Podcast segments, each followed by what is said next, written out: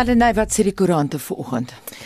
Die meeste Afrikaanse dagblaaie berig oor die ANC sekretaris-generaal Ismagashule se besoek aan oud-president Jacob Zuma gister nou van die opskrifte in die verband Eis spring op en af na gesprek en ek sal in ANC bly en sterf. Nog stories op die voorblaaie FHK vereer onnie wat mense in ratskop. Nou tant Mossie van Bloemfontein, 'n oud onderwyser aan die Hoërskool Meisieskool Orania en ook 'n voormalige inspekteur by die Vrystaatse Onderwysdepartement is vereer vir haar bydrae tot die opvoeding van kinders en die bevordering van Afrikaanse kultuur en geskiedenis. Ek sien daar sy 80 jaar oud. Die burger berig ook oor die skorsing van die Wes-Kaapse ALR vir vervoer en openbare werke, Bonginkosi Madikizela. Dan op News 24 se webtuiste trek die volgende Engelse opskrifte heelwat aandag. Jesse Duarte accuses Ace Magashule and supporters of trying to bring ANC down in Jeremy Zuma days Concord as Justice plays politics in JSC. Dan op die BBC se webtuis die volgende hooftrekke. Die polisie in Chicago, Amerika stel beeldmateriaal vry van 'n tiener wat geskiet word. Amerika stel sanksies in teen Rusland na 'n beweerde kuberaanval en prins Philip van Brittanje se kus gaan deur sy vier kinders gedra word. Al Jazeera het min of meer dieselfde stories, maar berig ook oor die Derek Chauvin moordsaak. Beskuldigde sê hy gaan nie getuig getuig nie. En CNN berig intussen van vertragings in die uitrol van inentingsprogramme asook die Amerikaanse weermag se verwagte onttrekking uit Afghanistan op 1 Mei en meer oor die stories in die laaste halfuur van Monitor. 'n 15-jarige leerling van die Mbilwi Sekondêre Skool buite Toyandou in Limpopo is in hegtenis geneem nadat sy 'n medeleerling buite die skool aangeval het. Die voorval is met 'n selfoon opgeneem en het soos 'n veldbrand versprei op sosiale media. Nou die slagoffer, Lufunu Mavunga, het haar eie lewe na die voorval geneem deur 'n oormaat medikasie te drink, Lenay Forsie het meer besonderhede. Lufuna se broer Kenneth Mavunga sê tussentydse verslag wat deur die skool opgestel is, dui dat Lufuna en die leerling wat haar aangeval het, na die voorval na die skoolhoof geneem is deur 'n veiligheidswag. Hierna het haar familie al bes gedoen om haar te troos, maar dit was vergeefs. Hulle voel meer kon by die skool gedoen word. Maybe if they'd intervened at such particular time and uh, make sure that they do, I mean, their work diligently because the matter was reported. You know, the kids were taken to the principal's office by the security. Instead of, you know, making sure that the matter is resolved, I think they parked it for some other time. I don't know what have happened. So I think that way she felt aggrieved that uh, her matter was not handled and maybe even let the family know because we didn't get the message from the school. They got the message from the kid herself and from there we started seeing it on, on social media. Die polisie sê intussen die betrokke 15-jarige leerling is in hegtenis geneem en sal binnekort in die hof verskyn, maar dat lede van die publiek nie toegelaat sal word om die verrigtinge by te woon nie. An inquest docket has already been opened and police investigations are continuing. The arrested learner will be dealt with in accordance with the Child Justice Act. Intussen vra die organisasie Parent Power dat ouers hulle stem dik maak teen boelies. Met die beheerliggaam verkiesing onderweg in die land, sê die kommunikasiespesialis Minke Steytler, hulle moedig ouers aan om meer betrokke te raak deur beleid in die opsig te eis. Een van die dinge wat hulle behoort te doen, is om beleid te ontwikkel oor gedragskode vir leerders en dit sluit boelie in. Dit sluit ook die prosesse in dat sou daar insident plaasvind, dat dit nog kyk word dat daar 'n proses is en dat daar dan stappe in plek gesit word om die slagoffer van die boelie maar as ook die boelie te help om seker te maak dat dit nie hulle lewens of hulle skoollewens beïnvloed nie. Volgens die organisasie is die kwessie van boelies een wat nie toegelaat kan word nie. Hierdie het regtig die lig geskyn op die probleem van boelie in Suid-Afrika. Dit is nie net in Limpopo of in hierdie spesifieke skool nie, dis oral oor. En ons as parent pals voel dat daar meer fokus op boelie geplaas moet word. Ons is bang dat daar 'n kultuur is van aanvaarding dat mense dink dit is aanvaarbaar om so op te tree en dit dit beïnvloed die toekoms van ons kinders, van Suid-Afrika se kinders. Dit was die organisasie Parent Power se kommunikasiespesialis Minke Steytler. Hierdie verslag is saamgestel met die hulp van Pimani Baloyi en Axmarine Forsie vir SAK nuus. En ons luisteraars vraag is vanoggend juis hierop geskoei. Ons wil weet, is jou kind al geboelie? Was hy of sy 'n slagoffer van boelery? Hoe het jy dit ervaar? Nog belangriker, hoe het jy dit hanteer? Het jy raad vir slagoffers of slagoffers se ouers?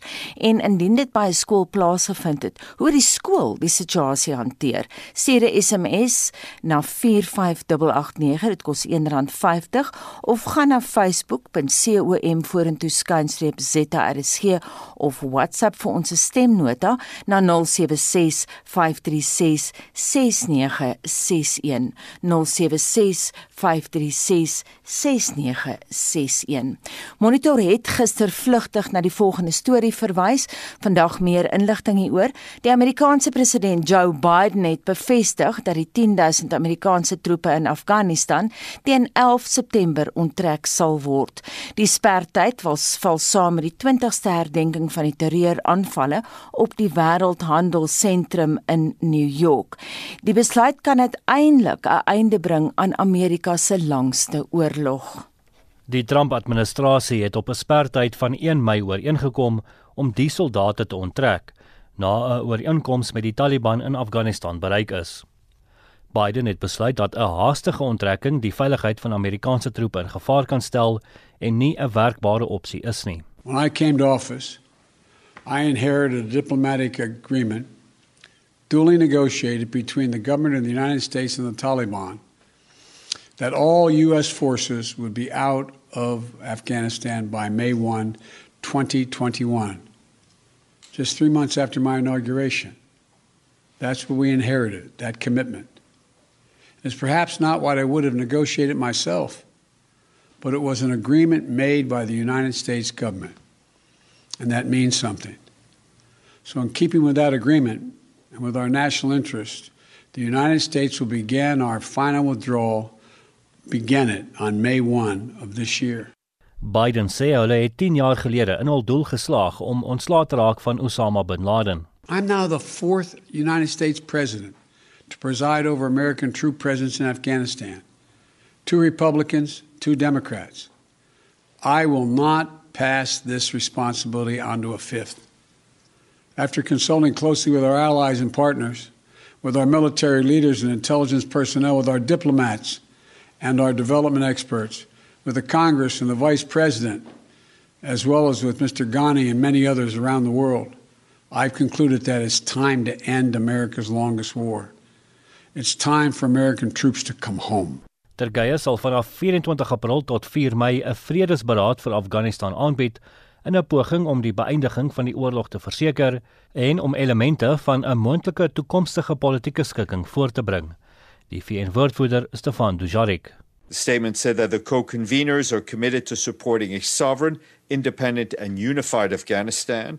It adds that the overriding objective of the Istanbul Conference on the Afghanistan peace process is to accelerate and complement the ongoing intra-Afghan negotiations in Doha on the achievements of a just and durable political settlement. The conference will focus on helping the negotiating parties reach a new set of shared fundamental principles that reflect an agreed vision for a future Afghanistan, a roadmap to a future political settlement, and of course an end to the conflict. Die oorlog het meer as 150 000 lewens geëis, sowat 'n derde daarvan was burgerlikes. Dit het Amerika ook 'n geraamde 2000 miljard dollar gekos. Die verslag van Shawn Bryce Peace en ek is Justin Kennerly vir SI Garnis.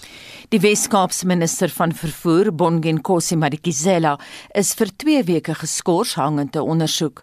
Madikizela, ook die DA se provinsiale leier, het glo vals inligting verstrek op sy CV oor 'n BCom graad in menslike hulpbronbestuur.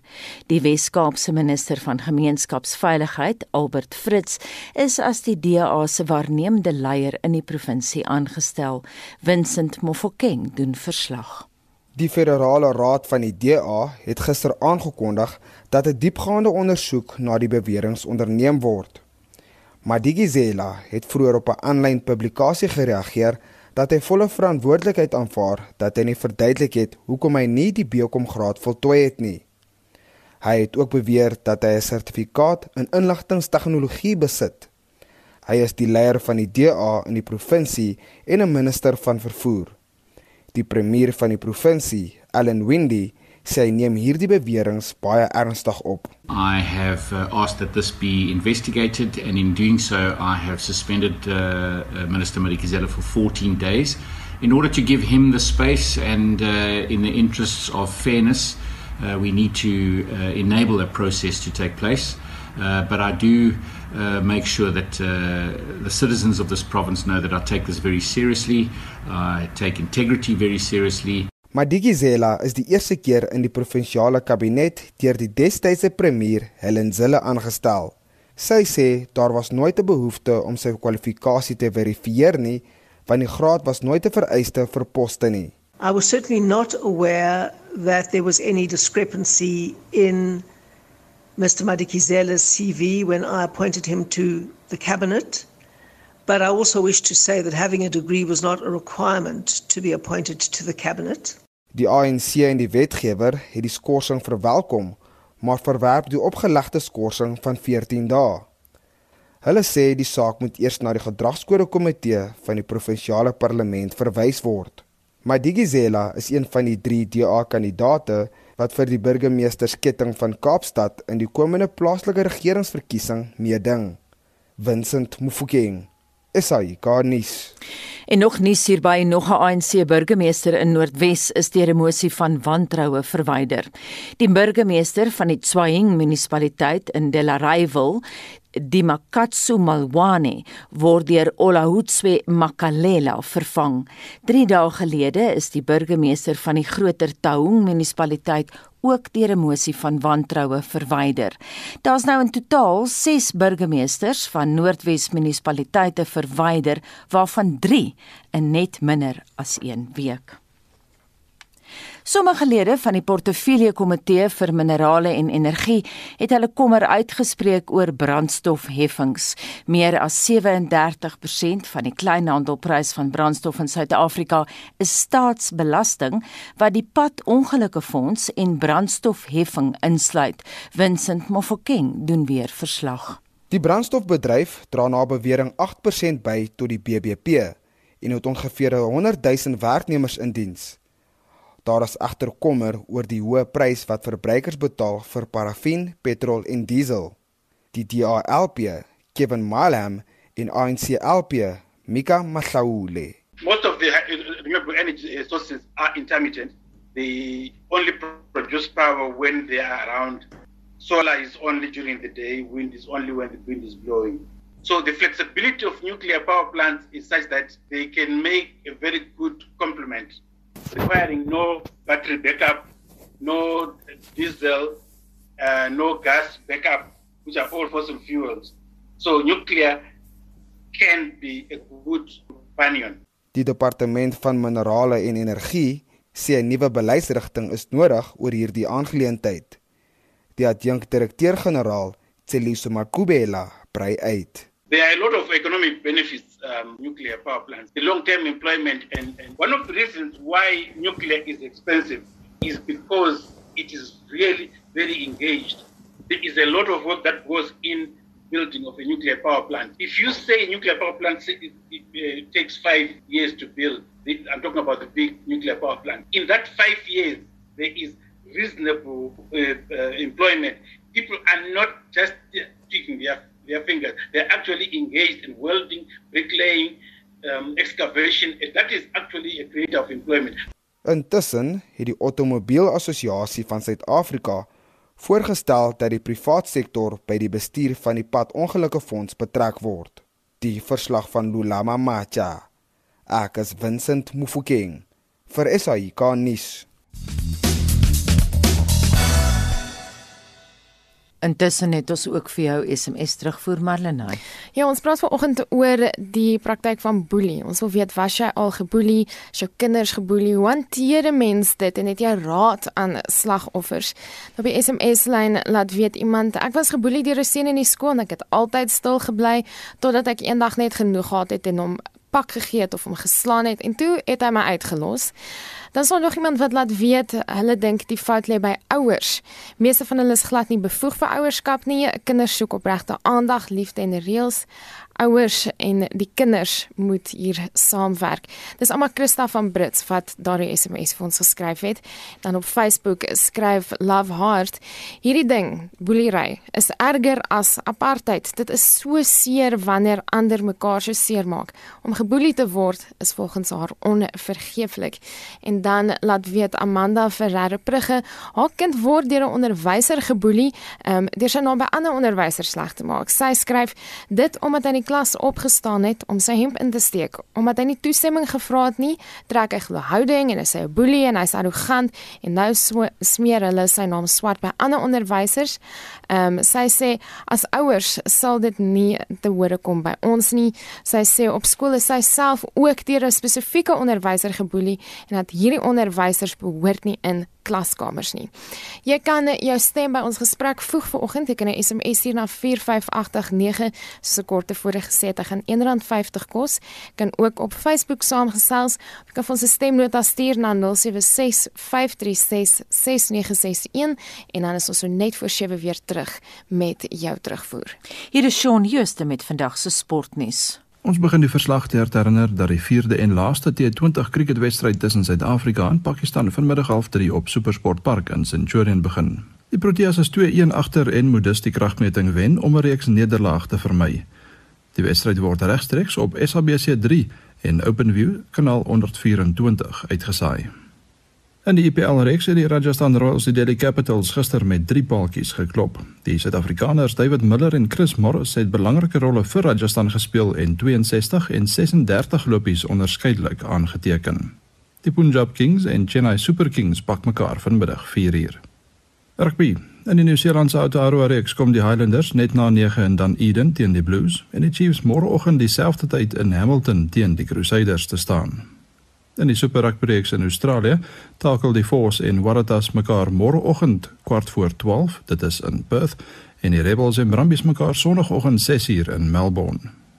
Atletiek nuus. Die Suid-Afrikaanse senior atletiek kampioenskappe het gister by die Universiteit van Pretoria begin. Van die groot name wat vandag in aksie sal wees, sluit die spoedvrate Wade van die Kerk, Akani Simbine en Anaso Jobodwana in die 200 meter uitdene en dan ook Rikanet Steenkamp in die vroue 100 meter hekkies uitdene in. Sokker.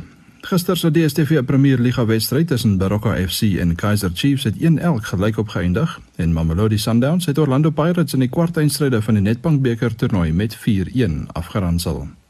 Die tellings in gisteraand se tweede been van die Europese Liga kwartfinale was: Manchester United 2, Granada 0, Roma 1, Ajax Amsterdam 1, Slavia Praag 0, Arsenal 4 en Villarreal 2, Dynamo Zagreb 1. United, Roma, Arsenal en Villarreal het na die halfeindstryde deurgedring. Onthou gerus dat die naweek se Nedbank beker asook die Engelse FA beker halfeindstryde op SABC 1, 3 en OpenView gevolg kan word. Motorsport. Die Formule 1 en MotoGP seisoene word hierdie naweek voortgesit. Die F1 spanne is in Italië waar die wedren Sondagmiddag 3 uur op Imola begin, terwyl die MotoGP wedren 2 uur in Portugal plaasvind. Tennis. Vanaand in die kwartfinale by die Monte Carlo Meesters toernooi stap die derde gekeerde Spanjaard Rafael Nadal teen die 60 gekeerde Rus Andrei Rublev en die nommer 11 van België David Goffin teen die Brit Daniel Evans op die baan uit. Evans en Goffin het gister vir 'n groot verrassing teen die eerste gekeerde Novak Djokovic van Servië en die 50 gekeerde Duitser Alexander Zverev gesorg.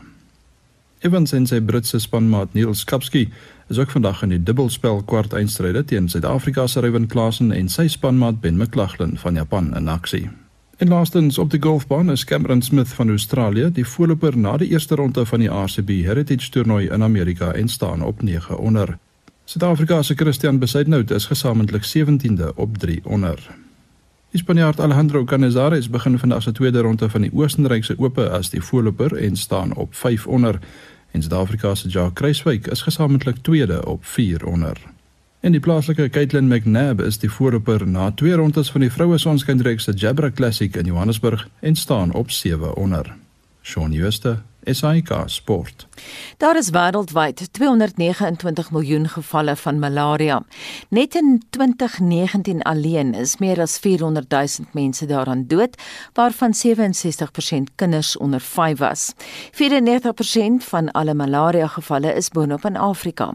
Die gesaghebende Britse mediese joernaal The Lancet het pas kliniese bewyse in Rwanda gevind dat malaria mutasies besig is om in Afrika toe te neem.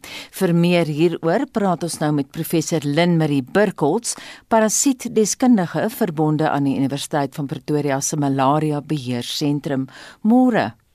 Goeiemôre Anita. Wat presies het daai studie bevind?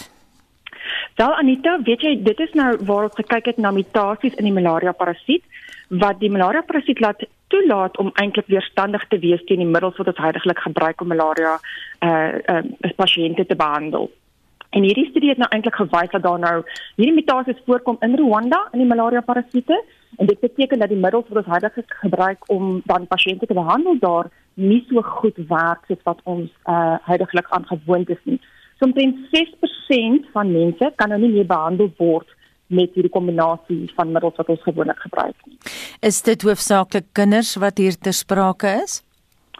Ongelukkig in Rwanda ja, omdat kinders wel die die hoogste lading van malaria uh, het in Rwanda want in Rwanda omdat ons so vreeslik baie malaria gevalle het, is daar 'n bietjie van 'n immuniteit wat wel onder die populasie kan gebeur. Maar onder kinders is dit nog nie daar nie. So die kinders is regtig uh die die ouetjies wat regtig die vreeslik uh, vreeslik um getref word deur malaria. So vir hulle is dit regtig 'n groot probleem dat ons nie hierdie middels kan gebruik. Maar dit is ook so vir vir vir volwassenes. Ek verstaan wat die mutasies betref, het dieselfde in Suidoos-Asië gebeur.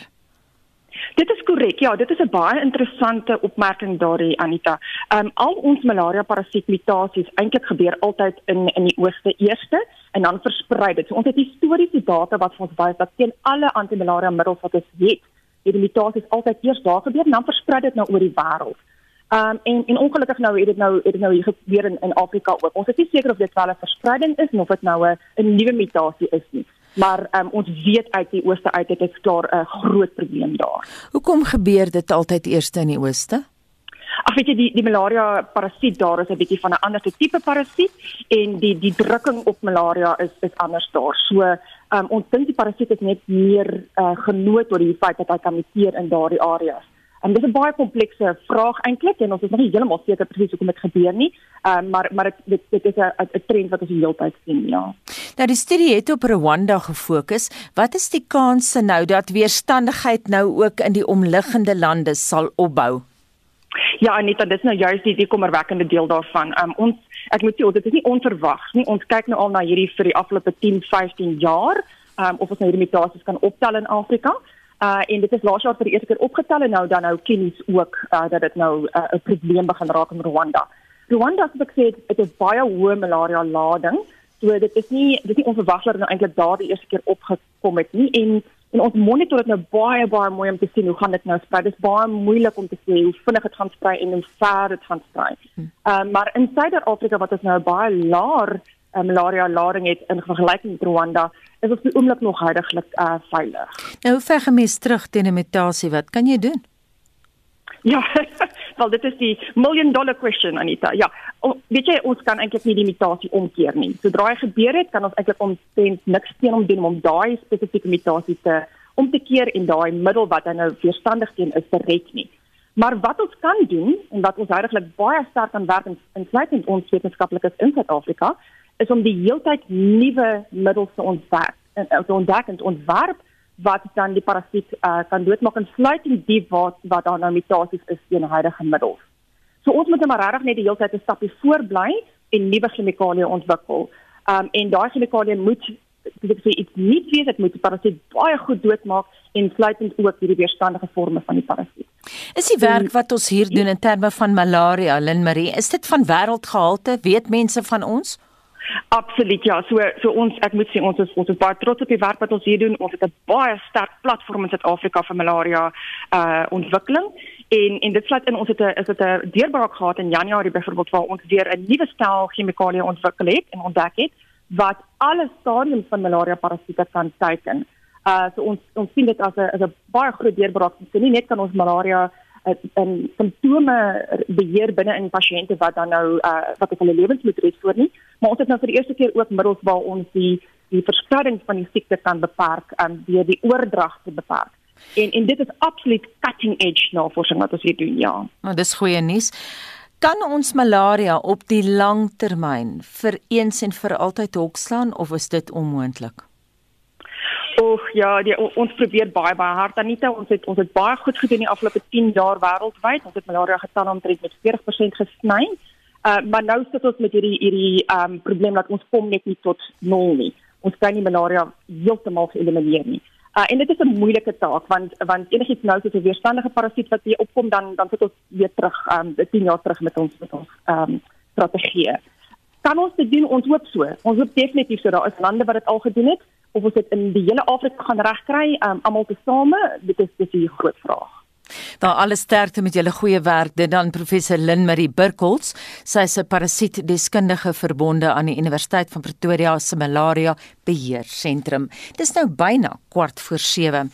Luisteraars kla by Monitor oor 'n gesukkel om suiker in die hande te kry. Om agter die kap van die byl te kom, praat ons nou met Dr. Shaal Senekal.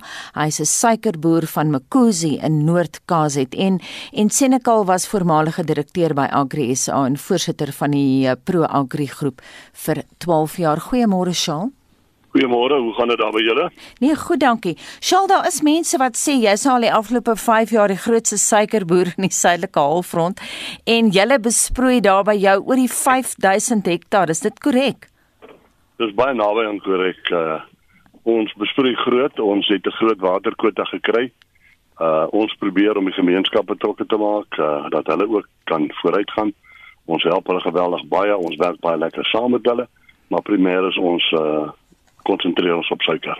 En nou die vraag wat die luisteraars uh, wil uh, antwoord op wil hê is waaraan is die suikertekort te wyte? Die suikertekort is uh kunsmatig op hierdie stadium. Kyk, aan die einde van die seisoen, as die as die suikermeelens nou sluit hier om en by Kersfees, dan het hulle 'n reserve suiker. Ekskuus tog wat hulle wat hulle oorhou om nou vir die tyd wat hulle die suikermeelens wat ons noem die afseisoen om dan aan die verbruiker te voorsien. Ons on, ons laat so 300 000 tonne jaar wat die manne die suikermeelens as 'n uh, 14 van hulle wat hulle in store bære en hulle hou dit vir hulle kliënte. maar nou die verbruikers uh uh uh um kan ek sê uh hulle uh, uh, die verbruikers het nou besluit hulle gaan meer suiker, meer wit suiker as bruin suiker gebruik, jy verstaan? Mm. Vir duisende, honderde jare het ons nou die 300 000 ton ons deurgetrek tot die begin van April wanneer die suikerbeelens weer maal. Maar nou het hulle werklik waar hulle 13.5% meer wit suiker gekoop as wat ons voor voorsiening gemaak het. Hoe raak dit nou ons suikeruitvoere? Ons voer maar baie min uit deesdae. Ons het uh on, ons ons uh, het kontrakte maar ons voer baie min uit uh, hoogstens 200 000 ton. Ons ver, ons vervaardig so net oor die 2 miljoen ton suiker per jaar. En uh, ons uh, verbruik is nou baie naby aan 1.58 miljoen ton per jaar. So ander lande veral hier in Afrika het baie sterk deurgekom die laaste ruk wat hulle vir suiker vra en dan het ons altyd daai reservetjie. Skus tog man om aan die mense suiker te voorsien. Sjoe, ons het nou verlede week op monitor gevra hoe lyk dit in die wynbedryf? Ons het gepraat oor die tafeldryfbedryf. Wat is die algemene stand van die suikerbedryf in Suid-Afrika? Die suikerbedryf in Suid-Afrika is iets wat die die die land en die regering op trots kan wees. Ons is werklik waar ons is manne wat al vir jare lank elke jaar die waar deur die drif trek. Ons is goed georganiseer, verskriklik gedissiplineerd en uh die suikerbedryf staan sterk. Hy het 'n bietjie 'n duik gevat. Nee, finansiële duik. Ons het uh geweldige hoeveelhede suiker is onwettig die land ingebring. En die regering het uh het so effens 'n uh, kan mens sê blind eye vir dit gehad, maar hmm. toe het ons uh verlede jaar begin en en uh, met minister Patel begin onderhandel. Hy het dadelik gesnap wat ons probleem is en uh Ons het toe 'n uh, 'n uh, regryk plan laat optrek wat deur die boere, die suikermeelenaars en die regering geteken is om te verhoed dat onwettige gesubsidieerde suiker die land kan binnekom in groot hoeveelhede. Hoeveel werkers is daar in die bedryf?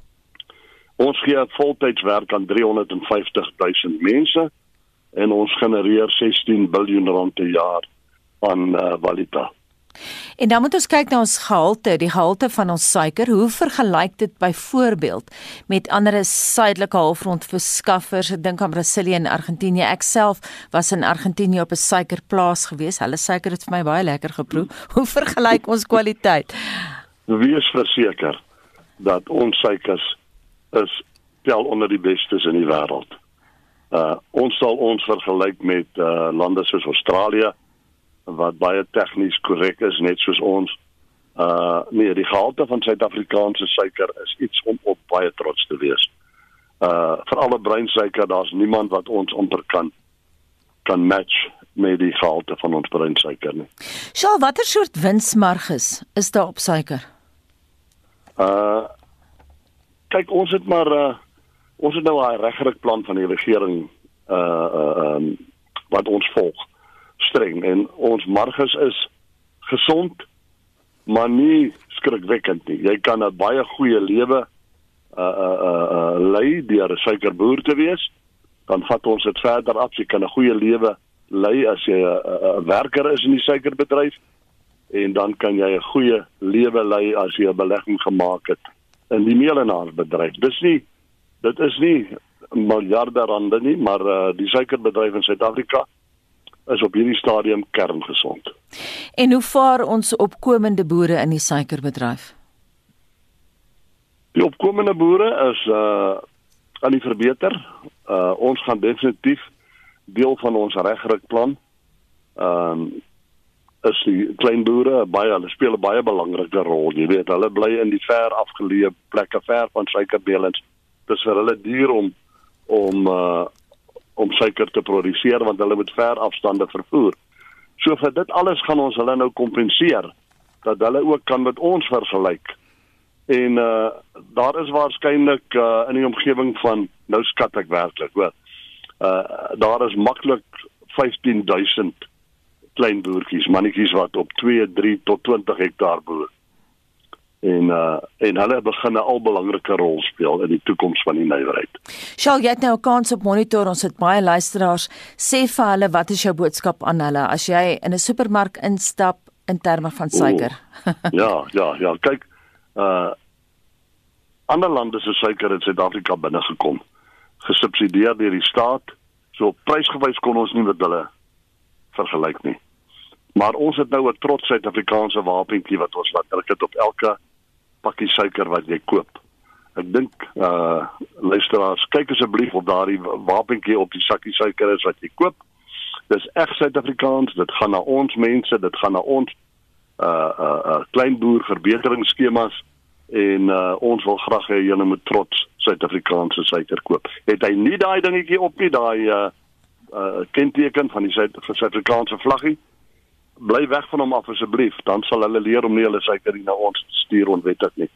Baie dankie. En daai pleidooi kom van Dr. Charles Senekal. Hy's 'n suikerboer van Mkuzi in Noord KwaZulu-Natal en hy was voormalige direkteur by Agri SA en voorsitter van die Pro Agri vir 12 jaar. Nou ons het vroeër in Monitor berig oor die tydelike skorsing van die Wes-Kaapse provinsiale leier en minister van vervoer Bongin Kosi Madikizela oor beweerde vals inligting op sy CV. Intussen vra die DA dat die staande komitee oor openbare rekeninge die feit ondersoek dat 35% van die senior bestuurders in die regering nie die vereiste kwalifikasies vir hulle werk het nie. Die amptelike oppositie sê die situasie is 'n gevolg van kaderontplooiing wat lei tot swak dienslewering. Zelin Merrington het meer. Van die nagenoeg 9500 senior bestuurders in die regering het 3300 nie die nodige kwalifikasies nie. In die departement van landbou, grondhervorming en landelike ontwikkeling het 277 nie die nodige kwalifikasies nie. In die polisie is die nommer 228, in justisie is dit 189, in handel en nywerheid 128 en bosbou en visserye 107. Volgens die DALP, Michelle Clark, verdien die amptenare tussen 1 en 1,9 miljoen rand afhangend van die vlak waarop hulle aangestel is.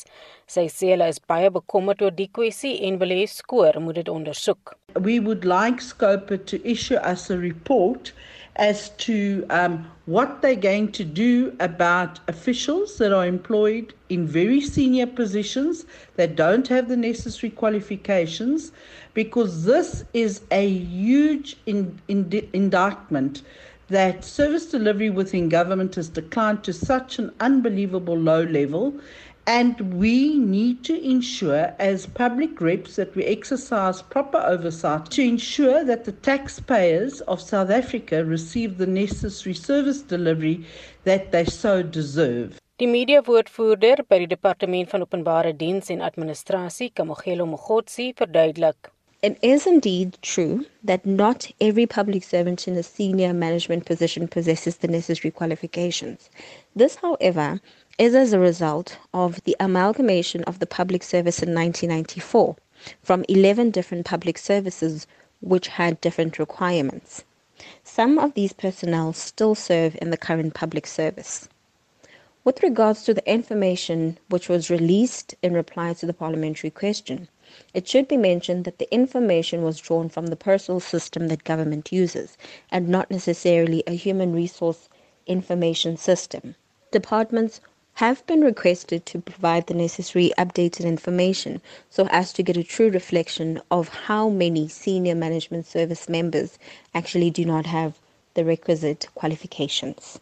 Volgens Dr. Ntsikelelo Breakfast, hoof van die politieke departement by die Nelson Mandela Universiteit, word die situasie veroorsaak deur kaderontplooiing deur die regerende party.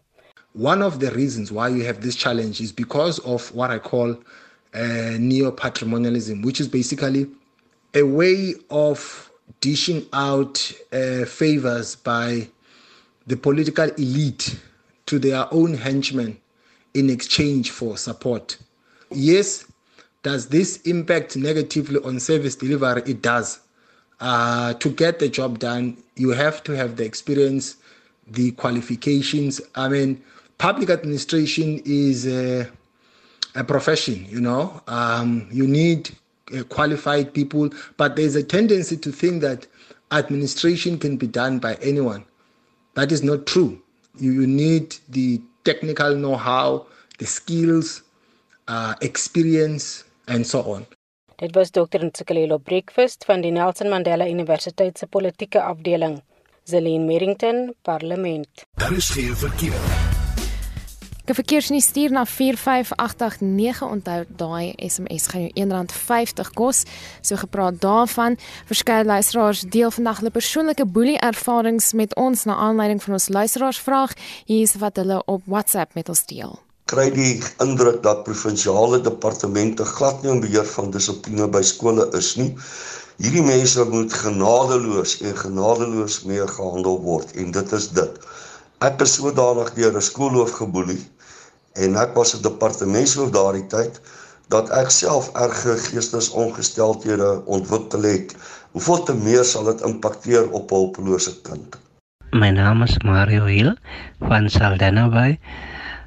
'n Soortgelyke geval het twee weke terug in Saldanha hoor gebeur en ek dink dit is baie tragies wat by ons skole aangaan en ek voel dat die regering moet meer moet doen om ons kinders te kan bystaan slagoffers sowel as bullies want bullies is eintlik maar kinders wat geboelie word.